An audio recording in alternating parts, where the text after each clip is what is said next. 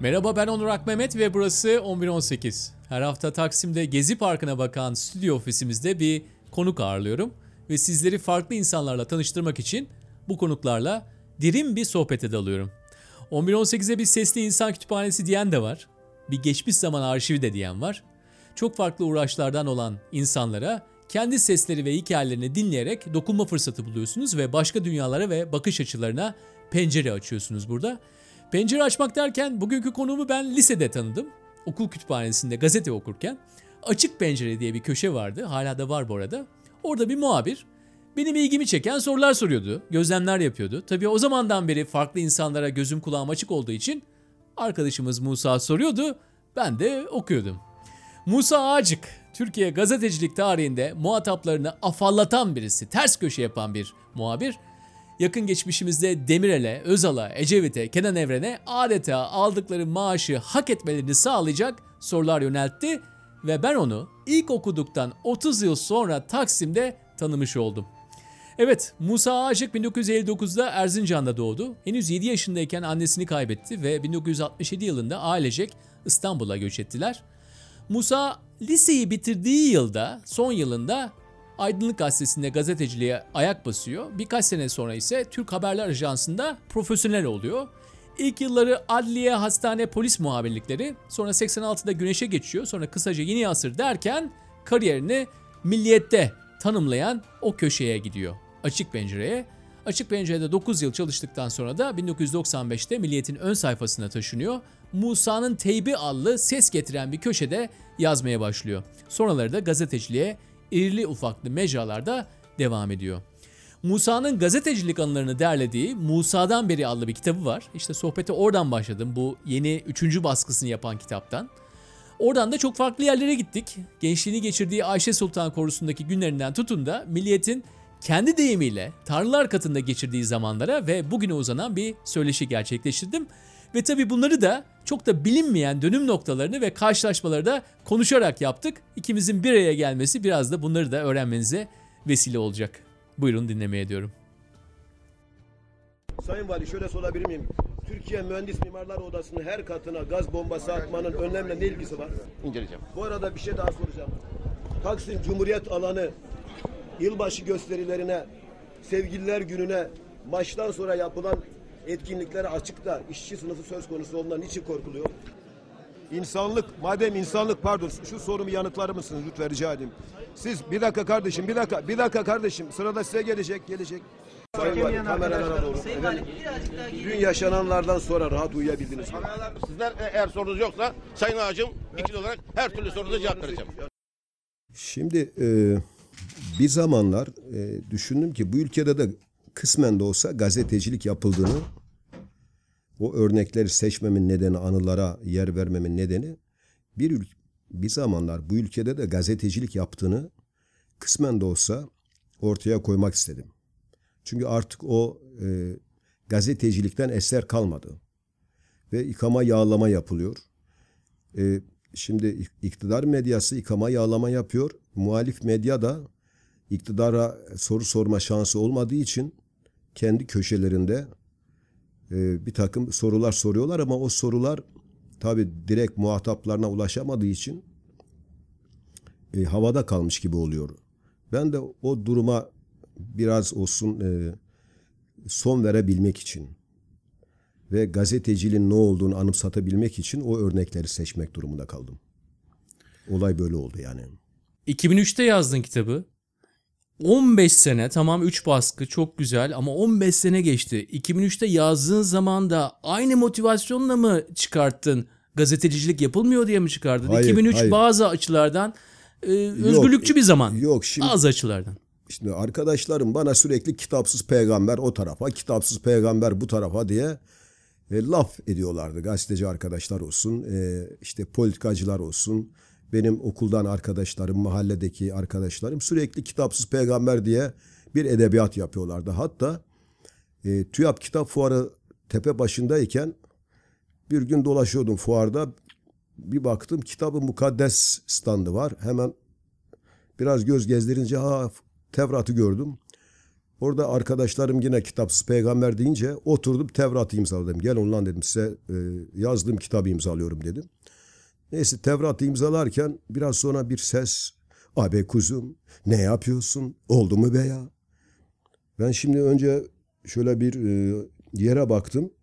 Mor e, ayakkabılar, mor etek ve mor bir kuşak. Şaşırdım kim olabilir bu diye. Kafamı bir yukarıya kaldırdım. Kimi görsem e, beğenirsin. David Aseo. Hahambaşı. Ne yapıyorsun kuzum dedi. E baba dedim kitap imzalıyorum. E olur mu be ya dedi. E ben Musa'yım dedim. Adam baktım tereddüt ediyor. Cebimden nüfus kağıdımı çıkarttım. Buyurun dedi Musa. Adam gülsün mü ağlasın mı kestiremedi. Peki o zaman adım Muhammed olsaydı Kur'an'ı mı imzalayacaktın? Yok yani e, bizim e, Kur'an'ı imzalamayacaktım kuşkusuz da. Şimdi olay şu. Hayır ama sorunun anlamını anladın değil mi? Yani belki Anlıyorum, de bazı anlıyorum. özgürlükleri Türkiye'de gerçekten de bunu yani çok iyi yapan bir kişisin ve çok örnek oldun ama bazı özgürlükleri bir yerde götürürken gidip Kur'an adım Muhammed olsa Kur'an'ı imzalamazsın mesela. İmzalamıyorum çünkü Türkiye'de öyle bir tolerans yok. Çünkü bu Müslüman tayfa asla öyle bir toleransa sahip değildir. Ve e, algıla şimdi işin acı ve e, garip yanı sevgili dostum. Şimdi el bastığı Kur'an'ı kendisi de okumuyor. Tanımıyor. Şimdi Türkiye toplumu e, bilmediği bir dini savunuyor. İşin e, garip tarafı, acı tarafı bu. Yani Kur'an'ı okusa niye Türkçe ezana karşı çıkıyor? Çünkü anlayacak. Anlayacak ne olduğunu bilerek inanacak. O softaların eline düşmekten kurtulmuş olacak ama öyle yapmıyor. Şimdi okumuş üniversite mezunu bir profesör bile camiye giderken o cahil cühele imama e, uyuyor. Çünkü iktidar onu gerektiriyor. Şimdi böyle olunca o ülkede gerçek anlamda bir dinsel özgürlük söz konusu olamıyor. Gerçek bir demokrasi köksel kökleşemiyor. Gerçek bir eğitim bilimi, gerçek özgürlükler fışkıramıyor. Çünkü o üniversite profesörü camiye gittiğinde o cahil adama uyuyor. Senin söylediğin bir şey var. Yani e, bir şekilde e, görünmez bir Alevi e, ayrımcılığı diyelim. Sen medyada bununla karşılaştığından bahsettin bir zaman. Çok karşılaştım. Bak şimdi şöyle örnek vereyim. Ufuk Güldemir beni gazetenin birinci sayfasına taşıdığı zaman Yıl 1993-94 mü? e, 94-95 e, dönemi 95 E, gazetede yıllarca abi dediğim, saygı duyduğum pek çok insan birden bana cephe almaya başladı. Ve beni gidip doğrudan Aydın Doğan'a şikayet etmişler. Yani senin ilk sayfada yer alacak bir insan olmadığını düşünüyorlar. Tabii tabii ya o Kızılbaş kimisi e, patrona gidip bu Kızılba, Kızılbaş piçinin e, birinci sayfada işi ne? E, demiş. O nasıl birinci sayfaya çıkar? O nasıl benim üstümde yazar?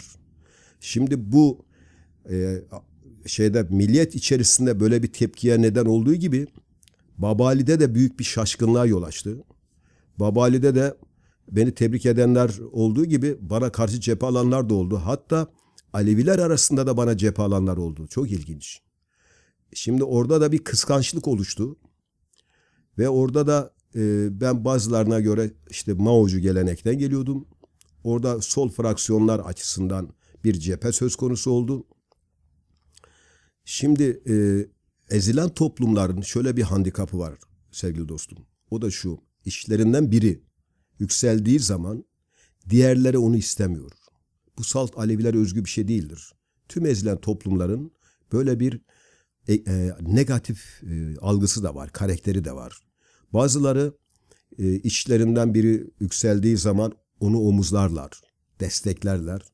Bazı topluluklar da işlerinden biri omuzlam e, yükselmeye başladığı zaman ona türlü düşmanlıklar yaparlar, iftiralar atarlar. Korkunç böyle yani memleketimizde geçerli olan iftira e, kampanyaları ona karşı yapılır vesaire. Bir gün hiç unutmuyorum. Ya sol içerisinde de fraksiyonlar arasında da bir çatışmaya yol açıyorsunuz. Gündemdesiniz. E, işte bazı sol gruplar bildiri dağıtıyorlar. Bildiri dağıttıklarından dolayı ya da e, broş, broşür çıkartıyorlar ya da dergi çıkartıyorlar. Kendi olanakları e, çerçevesinde gazete çıkartıyorlar. Şimdi o gazeteler, o dergiler, o bildiriler bir şekilde polisin saldırısına maruz kalıyor. Ama siz onların orada yazamadığınız pek çok konuyu sorularınızla dile getiriyorsunuz. O, polis onlara sizin o sorularınızın dörtte biri oranındaki e, şiddetteki yazılara bile tahammül etmezken size nasıl tahammül ediyor? Siz onların gözünde hemen devletin adamı oluyorsunuz. Hemen daha açıkçası MİT ajanı oluyorsunuz. Yani solun da böyle bir handikapı var. E, kendisinin e, ya- yazıp da ya da yazma, yazamadığı yasal nedenlerden dolayı ya da aklına gelmediği nedenlerden dolayı siz soruyorsanız ve bunu da açık yasal bir zeminde yapıyorsanız ve başınızda derde girmiyorsa o bazı sol grupların nazarında siz abi şey tuhaf adamsınız. Yani e, düşman e, safındasınız. Anlatabiliyor muyum? Böyle bir handikap var. Yani bizim solumuzda da bir e, sorgulanması gereken e, durumlar söz konusudur. Bu az gelişmiş toplumların kaçınılmaz bakış açısıdır. Çıkmazıdır yani. Ya arkadaş ben herkesin e, görebildiği şekilde ortadayım. Ortada cirit atıyorum yani. Ortada bu kadar net bir şekilde cirit atan bir adamın, şunun bunun adamı. Üstelik ben sorduğum sorulardan dolayı çok da şiddet gördüm. Yani e, devletin polislerinden gereğinden fazla şefkat gördüm yani. Hatta e, ben e, işkence gördüm. E, C- Cerrahpaşa Tıp Fakültesi'ne yatıyordum bir tarihte. E, 80'lerde yatıyordum. E, iç kanama yaşamıştım. 9 ay e, şeyde emniyetten beni Heybeliada'ya götürdüler. İç kanamadan dolayı. Orada 9 ay yattım. Sonra böbreklerimden dolayı e, üşütmüştüm. Ben e, Cerrahpaşa Tıp Fakültesi'nde de bir buçuk yıl tedavi gördüm. E, atom tedavisi gördüm. Mesela benim çocuğum olmaz. Anlatabiliyor muyum? Şimdi bu olayları yaşadım. Ee, oradaki doktorlar bana dediler ki Musa Bey sizin işte ele, soğuk suyla yıkadıktan sonra elektrik verdiler. Elektriğin devletin size elektrik vermesi romatizmalarınızın iyileşmesine neden oldu dediler. Ben de bunun üzerine o zaman Emniyet Genel Müdürlüğü'ne bir mektup yazmıştım. Şu anda yapmakta olduğum Ce- Cerrahpaşa Tıp Fakültesi Hastanesi'nde nükleer anabilim dalında e, benim romatizmalarımın e, Türkiye Cumhuriyeti Devleti'nin bin bir yoklukla Bulgar Sosyalist Bulgaristan'dan almış olduğu elektriğin bir kısmını bana transfer etmek suretiyle romatizmalarımın iyileşmesine katkıda bulunmasından dolayı teşekkür ediyorum. E, gereğinde e, tekrarını saygılarımla talep ediyorum diye Emniyet Genel Müdürlüğü'ne bir yazı yazmıştım. Mektup gönderdim yani. Şimdi e, işkencesine teşekkür eden dünyada kaç insan var baba? Sonuçta ben devletimizin bizi ne- ne kadar sevdiğini biliyorum. Bir de niye elektrik veriyor Türkiye Cumhuriyeti Devleti solcu vatandaşlarına? Çünkü solcularına aşıktır. Çünkü solcuları açık kafalıdır, açık perspektifli, pe- perspektiflidir ve dolayısıyla özgür düşünen insanlardır. Devletini seven, toplumunu seven, ülkesini seven insanlardır. Onun için onlara elektrik veriyor ki karanlıklar aydınlığa çıksın. Sevgili Onur sana söylüyorum. Türkiye elektrik ne zaman gelmiş abi? 14 Şubat 1911'de gelmiş elektrik. Peki 14 Şubat nedir? Dünya Sevgililer Günü değil mi? İnsan bir ka- kadına aşık olduğunda elektriklenmiyor mu? Elektrikleniyor. E şimdi devlet de solcu vatandaşlarına aşık olduğu için elektrik veriyor baba. Yani bunu anlamayacak ne var ya? Şimdi tabii Demirel'in e, kitabında da yer verdiğin e, lafı e, gözümün önüne geldi şu anda. Yani Musa birbiriyle alakası olmayan şeyleri alakalı hale yapar hale getirir yazıyor. E, kitabında da burada da bunu yapıyorsun. Bu ama bunu öyle bir bilerek yapıyorsun ki tabii burada hani biz seni anlıyoruz. Ama aynı zamanda karşı tarafında bir şekilde e, senden neden e, korktuğunu Karşında olan insanlar senden korkmuşlar. Ee, egodan dolayı korkmuşlar. Pozisyonlarının bir şekilde e, tehlikeli olduğunu düşünmüşler ve bir şekilde titrilerine bireylerinden daha fazla sahip olmuşlar. Bunu anlıyorum. Ama ben biraz sosyaldeki hisseli birleştirmek istediğim için seni şöyle bir yere götüreyim. Yine 90'ların ortası biraz daha ilerledik. İlk sayfada çıkmışsın. Ee, ama ondan sonra işte Atakürt yazısı işte Ufuk Güldemir ayrılıyor. Ondan sonra zaten e, bir boşluğa düşüyorsun. Ve bu konuda da açıksın. Yani diyorsun ki ben 10 yıllık kız arkadaşımdan o zaman ayrılmıştım. Aynı zamanda bir depresyona düştüm. Şimdi bizim için şey hikayeleri çok önemli. E, iniyoruz çıkıyoruz, iniyoruz çıkıyoruz. Yine indik. Yakında çıkacağız belki ama yine indik. O zamanı bize, biraz bize anlatsana. Yani hem ilk sayfadan alınman, ondan sonra hem kişisel olarak bunlardan geçmen, o dönemi nasıl yaşadın? Bunları nasıl atlattın?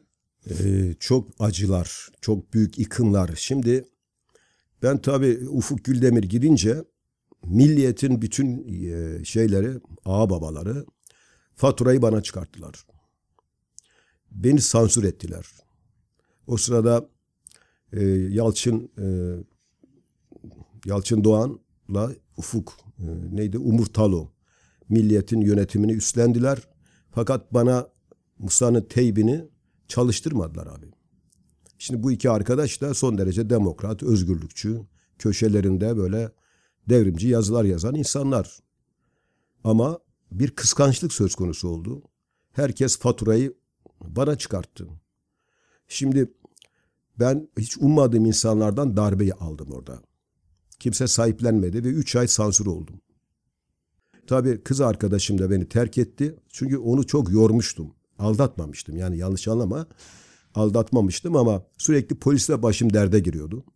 Kızcağız beni karakollarda sormaktan düşüp polisten dayak yemiştim. Hastanede yatıyorum. Finaller döneminde Boğaziçi'nde okuyordu. Benim e, yatağımın başında e, finallere çalıştı ya. Artık yorulmuştu kız e, beni karakollarda aramaktan. Yani ona karşı hiç sevgim bitmedi. Her zaman e, onu sevdim. Gerçekten beni ben yapanlardan bir tanesiydi o. Gelelim senin sorunun başına. Ee, ben şimdi orada gerçekten çok büyük travma yaşadım. Bir, neden travma yaşadım? Çünkü bir taraftan sansür edildim. Sen hiç yazı yazarken e, sansür edildin mi? Yani o şu demektir. Sevgilinden kopuyorsun abi. Anlıyor musun? Sevdiğin bir şeyden koparılıyorsun yani. Şimdi o sırada sen hala e, yazıları hazırlayıp hazırlayıp her hafta bunları hazırlıyor musun? Her gün hazırlıyorum. Her gün Her hazırlıyorsun. gün hazırlıyorum. koyuyorsun editörün önüne ama hiçbir zaman yayınlanmıyor. 3 Yer ay boyunca böyle devam ediyor. yer darlığına kurban ediyor. Yer darlığından gidiyor. Ulan daha önce birinci sayfada yer alan adam nasıl yer darlığına kurban gider? Ve üstelik bir hafta içerisinde Ufuk Güldemir Musa'nın teybini birinci işte teybi adıyla birinci sayfaya koyduğu zaman çok ilginç. Türkiye'de ne kadar büyük elçi, konsolos, yabancı misyon varsa milliyeti faks burada tuttular biliyor musun? Orijinal bir buluş diye. Bu inanılmaz kıskançlık yarattı milliyette ya. İnanılmaz. En yakın insanlar bile buna yani kıskandılar. Peki orada şunu deşelim. Yani Batı orijinli yabancılar böyle kendi kendiyle dalga geçebilen insanları mı bir şekilde görüyorlar? Yani kendi kendine dalga geçme bir meziyet oldukları için mi seni tutuyorlar diyelim hani daha iyi bir tabir bulamadığım için. Şimdi benim sorduğum sorular e, kısa ve net. Şimdi bu e, insanların inanılmaz hoşuna gitti. Bir hafta içerisinde patladı. Anlıyor musun? Herkes beni yani açık pencerede tanıyordu ama Milliyet'in birinci sayfasına geçince artık herkes tanımaya başladı. Şimdi bir yerden geçiyorum mesela kız yurdunun oradan geçiyorum. Kızlar e, bağırıyor. Arkadaşımız Musa sordu. Anlatabiliyor muyum? Yani e, açık pencerede ben ünlenmiştim.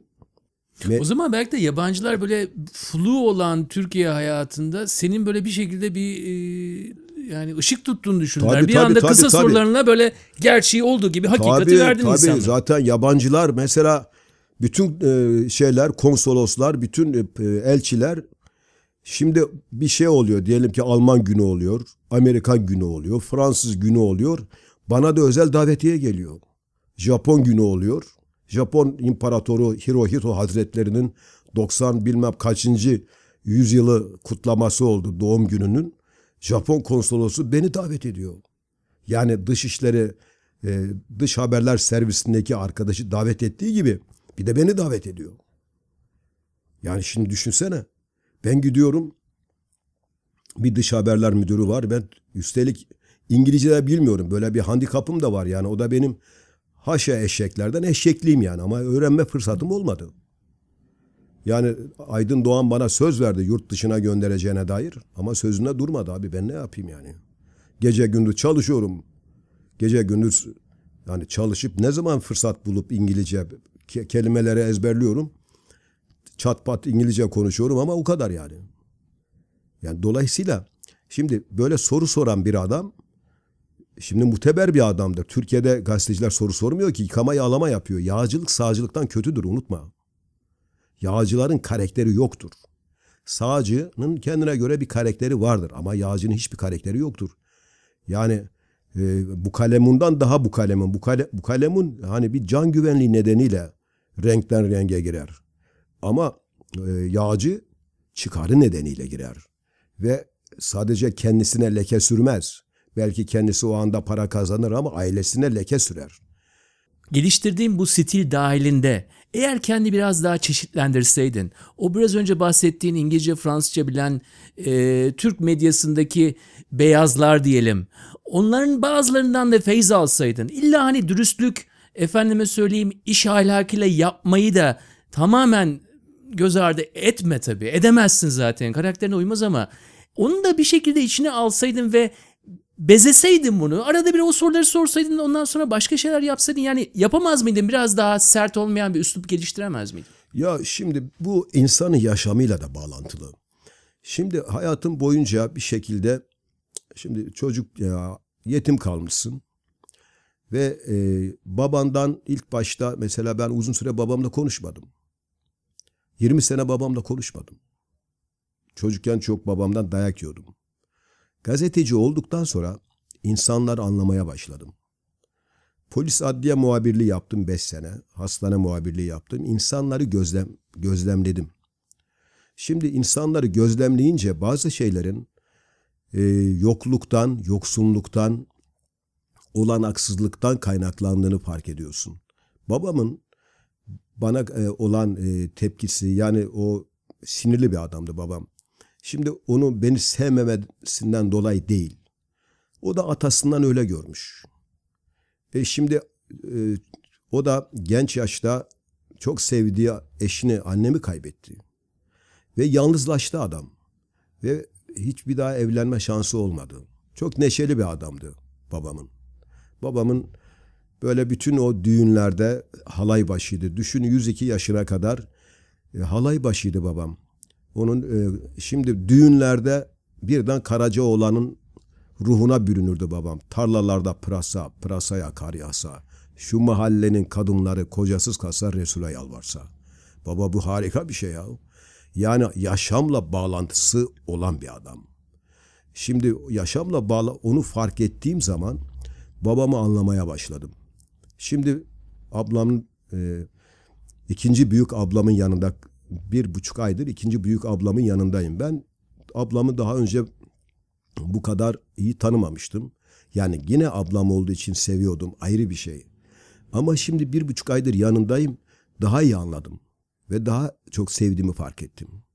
Yani akrabası da olsa, abisi de olsa, birinci derecede kan bağı da olsa insan insanı tanıdıkça seviyor. Ve ben ablamı şimdi daha iyi keşfettim.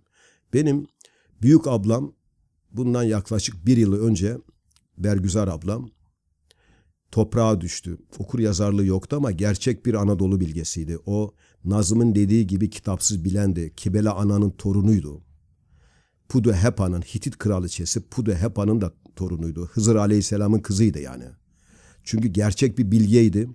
Asla kimseler hakkında dedikodu yapmazdı. Bütün hayatı boyunca örnek oldu insanlığa, güzelliğe örnek oldu, iyiliğe örnek oldu, doğruluğa örnek oldu, bilgeliğe örnek oldu büyük ablam. Şimdi büyük ablam bir tarafa, bütün aile bir tarafa.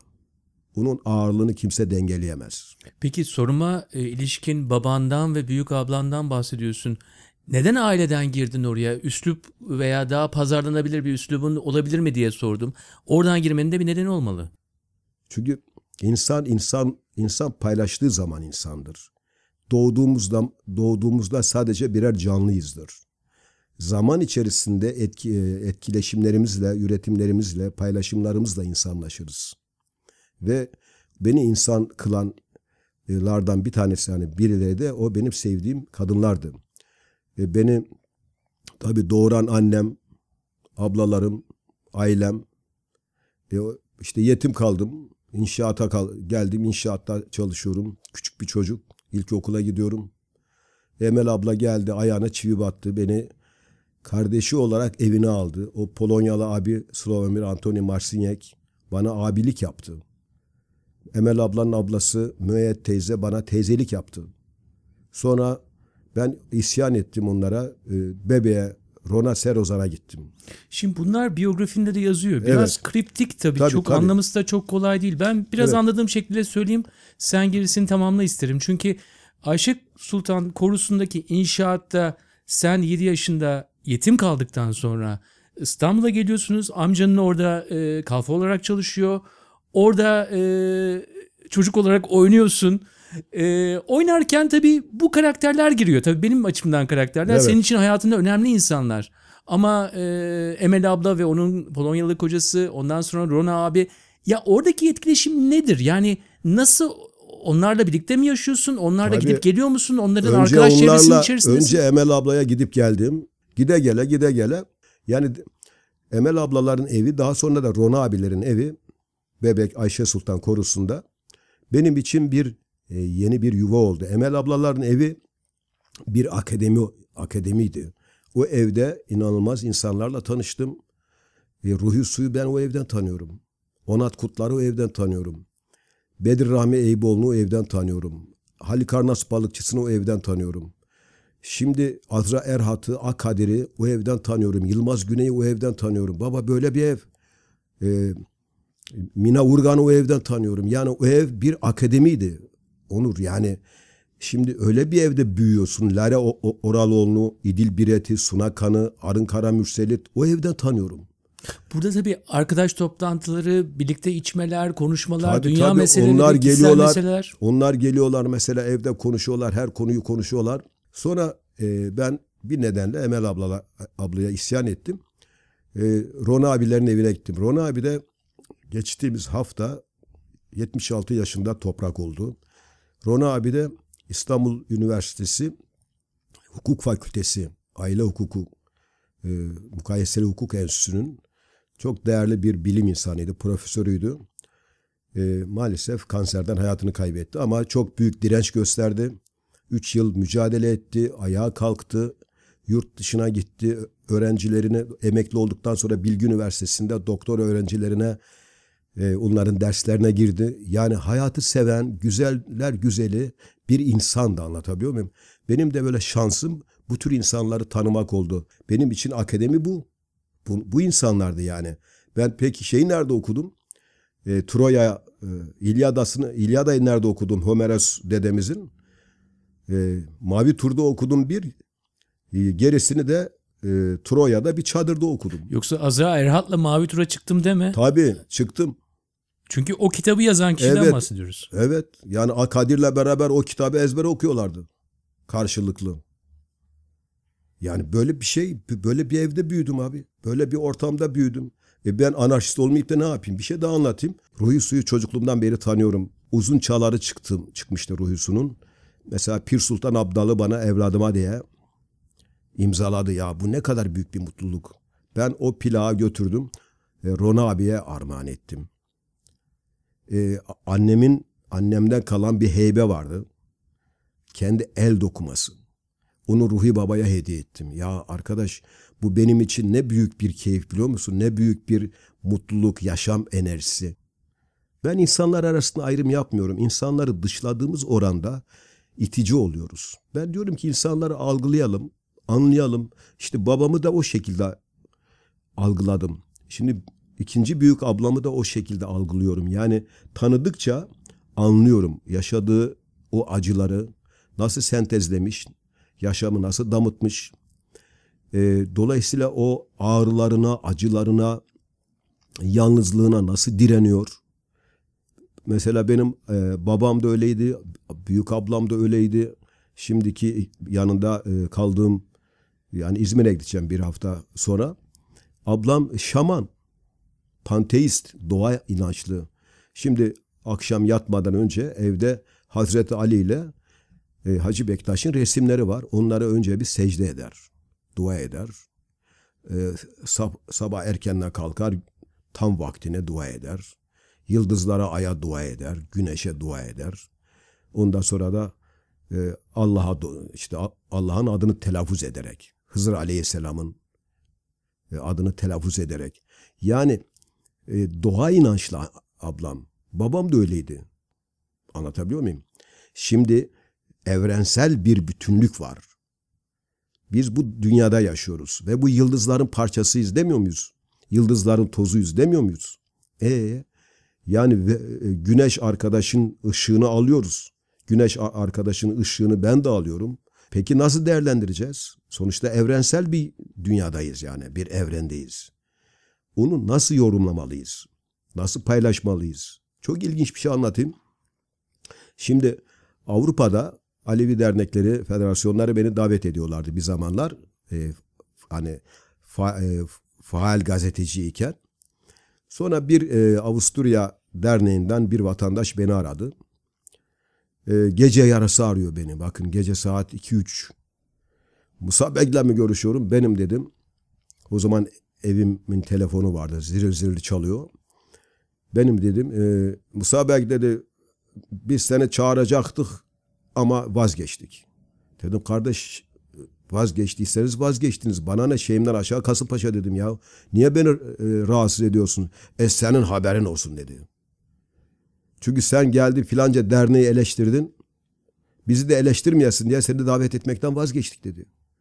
Şimdi bu eleştiri korkusu insanın kendi özgüveninin olmayışından, özgüveninden itil, yani kendisini yitirmesinden kaynaklanıyor. Toprağı havalandırmazsın o zaman yeni yeni şeyler yeşermez diyorsun. Yeşermez. Yani dolayısıyla toprağı eşelemek gerekiyor, eleştirmek lazım. Eleştirmekle hakaret birbirinden ayrılı, ayrıdır. Eleştirmeliyiz birbirimizi. Ama eleş, biz ne yapıyoruz? Yıkama yağlama yapıyoruz. Aslında yıkama yağlama kötülükten başka bir şey değil. Çünkü gerçekleri gizliyoruz. Üstünü örtüyoruz. Ben sana biraz önce tabii soru sorduğum zaman neden e, bu sert olarak algılanan stilinde devam ettin? Neden işte efendim başkalarından da feyz alıp biraz daha karma bir şekilde mesleğini icra etmedin dediğim zaman galiba şu anda da cevabımı alıyorum. E, ve diyorsun ki e, başka şansım yoktu be Onur kardeşim diyorsun Yoktu, yani bu benim yoktu. diyorsun. Ya benim çok sevdiğim bir arkadaşım var. Erdoğan Aydın. Şimdi bu sevdiğim arkadaş bana bir gün dedi ki ya Musacığım dedi sen yani sağcılara sorduğun soruların aynısını devrimciler de soruyorsun. E ne bekliyorsun dedim. Yani ben şimdi devrimcilere şey mi yapacağım yani? Tolerans mı geçeceğim? İltimas mı edeceğim? O zaman ben ben olmam ki. Ya ben yani iyi niyetle sordum kuşkusuz. Hani bizden olan insanlara biraz daha insaflı sor. Ya o benim işim değil arkadaş. Ben sorumu hak ettiği şekilde gazeteciliğin misyonuna uygun sormalıyım ki ülkücüye de aynı soruyu sorayım. Türkücüye de aynı soruyu sorayım. Devrimciye de aynı soruyu sorayım. Eğer ben o soruları sorarken nabza göre şerbet verirsem aynaya bakamam. Yürürken Onur yolda biraz kambur yürüdüğüm doğrudur. E hiç olmasa aynaya dik bakayım ya. Bunu Aydın Doğan'a da söyledim. Aydın Doğan beni patronum. Şimdi sürekli Sayın Ağacık bana ne zaman teyip tutacaksın, ne zaman teyip tutacaksın sıranızı bekleyin dedim. Derken bir gün yine havalimanından geliyordum. O zaman yine Çillerin bir basın toplantısından. Tam o Mahmut Bey'deki Babil as- asma bahçelerine benzeyen milliyetin girişinde bana sordu. Sayın Ağacık dedi bana ne zaman teyip tutacaksınız? O zaman da Aydın Doğan vergi rekoru kırmıştı. O zaman gardınızı alın soruyorum. Önce tebrik ediyorum dedim. Yani bu yer sarsıntısına benzeyen vergi rekorunuzdan dolayı tebrik ediyorum dedim. Teşekkür ediyorum dedi. Nasıl dedim bu yer sarsıntısına benzer vergi rekorunu kırdınız? E demek, dedi ki e demek ki geçen sene çok para kazandık ki çok vergi ödedik dedi. Demek ki geçen sene çok para kazandınız öyle mi? Öyle dedi. Öyleyse geçen sene toplu sözleşme dönemlerinde neden yüzde iki buçuktan fazla vermem diye milliyeti ağlama duvarına çevirdiniz dedim. Ya bir dakika bir dakika dedi sen dedi e, tatsız konuya girdin. Tatsız matsız dinlemem dedim. Niye dedim yaptınız bunu? Yahu dedi ben senin patronum. Burada siz patron ben işçi değilim. Siz bir işverensiniz ben gazeteciyim dedim. Vergi kıran bir e, vergi rekoru kıran bir iş adamısınız. Ben de gazeteciyim dedim. Biz böyle konuşmadık mı? Evet. Ben soru sorarken babamı tanımam de- demedim mi? Dediniz. E sen tatsız konulara girdin dedi. Kaçtı gitti. Bu arada Aydın Doğan'la yaptım röportajı. Bütün milliye çalışanları, yönetimi, yazı işleri falan herkes gördü. Tayyip Yurtsever dedi ki yazı işleri müdürlerinden. Ya Musa ne yapıyorsun dedi. Biz seni gazetede tutmak için zorlanırken sen el, kendini attırmak için çalışıyorsun dedi. Ya dedim patronu kendisi kaşındı. Ben ne yapayım dedim yani. Hani milattan sonra yerine Musa'dan sonra demeni seviyorum. Kitabın adı da bence çok güzel. Ee, bu karakterleri de seviyorum. Kendine Sokrat diyorsun. Bunları da seviyorum. Ben Etrafına- kendime demiyorum. Aziz Nesin bana baba dedim ben kimin evladıyım dedim. Aziz Nesin bana dedi ki evlat dedi sen Sokrates'in torunusun Musates. Bundan sonra adın Musates'tir dedi senin. Aziz Nesin verdi o ismi bana. Yani kendime yakıştırmadım. Çok güzel söylemiş. Aziz Nesin baba söyledi. Baba dedim yani ben senden mi etkilendim? Yok dedi sen tıpkı Sokrat gibi tersten sorular soruyorsun. Böyle yani saf saf sorular soruyorsun. En e, şeyden en uyanık adamın ağzına lafı alıyorsun dedi. Sokrat Sokrates de böyle yapıyor dedi. Yap, yapıyordu dedi. Sen onun torunusun dedi. Bu bana Aziz babanın verdiği bir ünvan yani. İnsanların yıllarca maskelerini düşürdün sevgili Musa. Sana şöyle bir soru sorayım. Bundan sonra aktif gazeteciliği bıraktığını söylüyorsun ama bundan sonra 2018 sonrası yeni kitaplar olacak mı? Yeni seni heyecanlandıran var mı? Veya biraz önce bahsettiğin gibi bu sinerji yaratabilecek insanlarla birlikte çalışmayı düşünüyor Efendim bir önce aşık olmak istiyorum. Çünkü gerçekten sevgili Onur insanı insan yapan aşktır abi. Önce aşık olmalıyım. Yani önce e, bu mübarek e, gönlümle beynim arasında e, iletişimi kuracak bir tanrıçayı görmem lazım. Umarım öyle bir tanrıçayla karşılaşırım. Peki ya bu tanrıça fiziksel bir e, kadın şeklinde çıkmazsa önüne başka bir şekilde çıkarsa? Ya zaten e, Fuzili ne demiş? Her ne var ise aşk imiş. Bak şimdi ben kendimi nasıl tedavi ediyorum biliyor musun? Çok şeye kafam e, yani bozuluyor, üzülüyorum. Memleketin içinde bulunduğu durum afakanlar basıyor. Şimdi iki tane bir karikatür var ama iki boyutlu. Birinci karikatürde sakallı bir adam arkasında böyle uyuyor yatakta. Arkasında bir tane kutsal kitap asılı. Mışıl mışıl uyuyor. Bir başka karede de bir adamı afakanlar basmış. Arkasında bir ki- kitap kütüphane var. Adamı afakanlar basmış. Ben o ikinci adamım. E peki onu nasıl dengeleyeceğim? Şimdi dünyanın durumundan kaygılanıyorum, ülkenin durumundan kaygılanıyorum. Sonuçta ben dünyalıyım. Yani e, nefes alıyorum, yaşıyorum, hissediyorum, duyumsuyorum. Dolayısıyla ben e, üzülüyorum. Peki nasıl dengeliyorum üzülümü? Yani bu üzüntümü ah vah ederek değil. Gidiyorum fotoğraf çekiyorum. Bu martıların fotoğraflarını çekiyorum. Kediciklerin fotoğrafını çekiyorum. Köpek arkadaşların fotoğrafını çekiyorum. O çok sevdiğim vapurların Boğaziçi gelinlerini fotoğrafını çekiyorum. Paylaşıyorum. O da beni mutlu ediyor. Benim e, e, şey yapıyor yani pozitif bir enerji veriyor bana. O da benim için bir aşktır. Şimdi gerçek anlamda toplumu göze yani gözlemlediğin zaman aslında bu toplumun birbirine pek farkı yok. Yani herkes birbirine etkileşim içinde. Herkes negatif enerjiyi alıyor. Negatif enerjiyi büyütüyor. Negatif enerji üzerinden bir tanımlama yapıyor. Karamsar bir toplum. Şimdi bir taraftan ah vah ediyor. Ondan sonra şükrediyor. Yani e, şimdi Hasan Hüseyin Korkmazgil'in çok güzel dizeleri var. Acıyı bal eyledik, sıratı yol eyledik, geldik bugüne. Ama Hasan Hüseyin Korkmazgil bir ulu şair olarak oradan bir sonuç çıkartıyor ve pozitif bir şeye aktarıyor. Yani mücadeleyi devam ettiriyor. Ah öldük, vah öldük, geberdik gittik demiyor. Şimdi bizim halkımız bir taraftan ah öldük, vah öldük sürekli e- negatif enerjiyi e, körüklüyor. Halbuki şöyle düşünmek gerekiyor. Sabah erkenden kalkarken ya da sabah yataktan kalkarken bugün daha güzel olacak demiyor muyuz? Demeliyiz. Sonuçta bu bir doğruyla yanlışın, kötüyle iyinin kavgasıdır. Haklıyla haksızın kavgasıdır. yoksulla e, e, hırsızın kav- e, kavgasıdır. Bizim tercihimiz ne? Eğer tercihimiz doğrudan, iyiden, güzellikten yanaysa bizim sızlanmaya, dırlanmaya, darlanmaya hakkımız yok ya. Sonuçta bu bizim tercihimiz. Bunu şöyle düşünürsek, evet bu benim tercihimdir, haksızlığa uğruyorum ama bu, bu düzen değişmelidir. Bu zorba gitmelidir. Ben dostlarıma ulaşmalıyım. Birlikte el ele el hakka bu mücadeleyi yürütmeliyiz demeliyiz. Bunu dediğimiz zaman pozitif bir enerji beyin üretiyor. Ve o pozitif enerjiyle biz daha nitelikli, sağlıklı yol alıyoruz. Ama ah öldüm, vah öldüm, ulan öldüysen öldü, geber gitme birader yani. Yani negatif enerji hastalıkta da insanı zora sokuyor, toplumsal mücadelede de insanı zora sokuyor, aile içinde de zora sokuyor, ikili ilişkilerde de insanı zora sokuyor, kendisiyle baş başa kaldığında da zora sokuyor. Ya arkadaş her ne var ise aşk imiş demiş Fuzuli. Şimdi bizim bir Anadolu'lu Alevi Bektaş'ı Bilge Ozan'ı da şöyle diyor. El gövdede kaşınan yeri bilir. Peki Musa Acık, Melun gazeteci Sokrates'in torunu Musa Acık ne diyor? İşte ben de sorularımla o kaşınan yere dikkatlerinizi çekmeye çalışıyorum diyor.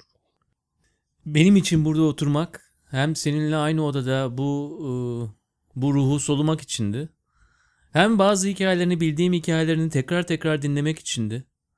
E, bilmediklerimi de anlattın. E, ama aynı zamanda e, başta dediğim gibi senin hakikatin galiba buradaki karakterlerin hepsinden benim için çok daha önemli. Ee, ama şunu da söyleyeyim ha biraz sorulara da illa böyle olduğu gibi de cevap vermiyorsun. Biraz diğer e, daha önceki şeylerin gibisin. Ee, onu da çok iyi yapıyorsun. Ee, daha önceki politikacılar gibisin. Ama şunu da söyleyeyim. Musa buraya not defteriyle geldi ama bir kere bile not defterine bakmadı. En azından onu bende tutabilmişim. O da benim Ya şeyim olsun. sevgili Onur bak bir şey söyleyeyim sana. nasıl birkaç şeyi nasıl birleştirdim ben? Gerçekten bak şimdi buraya gelir gelmez de kendimi kendi evimde hissettim. Yani bir kere böyle bir güzel enerjiniz var, böyle bir güzel ortamınız var ve yüreğiniz çok güzel. Beyninizle yüreğiniz bir bütün. Ya bu harika bir şey. Yani şu anda seninle karşılıklı oturup bunları konuşuyor olmak gerçekten e, o gazeteciliğin tadını bir kez daha bana duyum sattın. Tekrar onu soludum. Çok teşekkür ediyorum.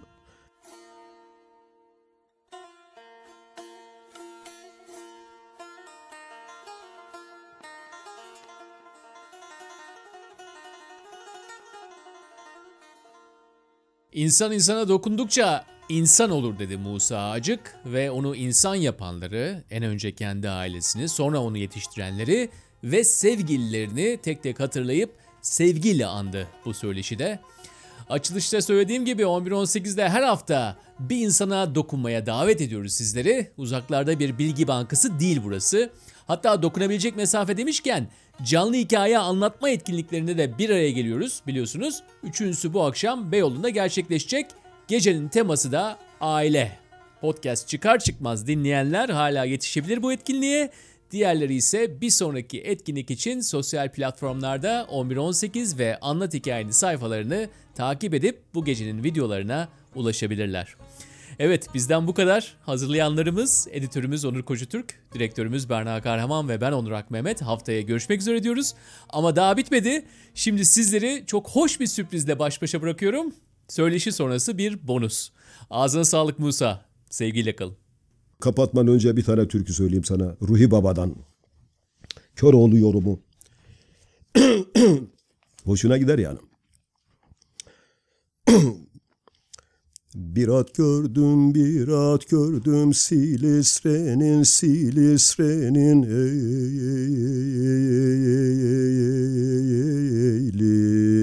elinde. Elma gözlü, elma gözlü, kız perçemli, kırat, kırat, kırat, kırat, kırat, gel. Ne ben doğdum lekelerin, lekelerin elinde. Elma gözlü, elma gözlü, kız perçemli, kırat, kırat, kırat, kırat. Gel. Böyle bir şey. Ruhi Baba'yı ben şimdi en e, en zor anlarımda türkü söylerken ayakta kaldım. İşkence sırasında şunu fark ettim ki mesela ne aklıma Marx, ne Lenin, ne Mao gelmedi. Peki kim geldi? Pir Sultan Abdal geldi.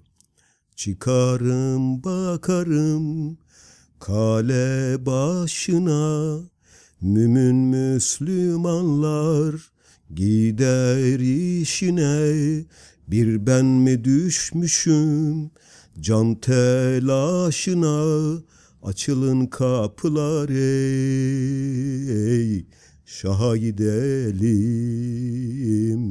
yıkılın kaleler dosta gidelim bir de Aşık Daimi'nin ne ağlarsın benim zülfü siyahım bu da gelir bu da geçer ağlama.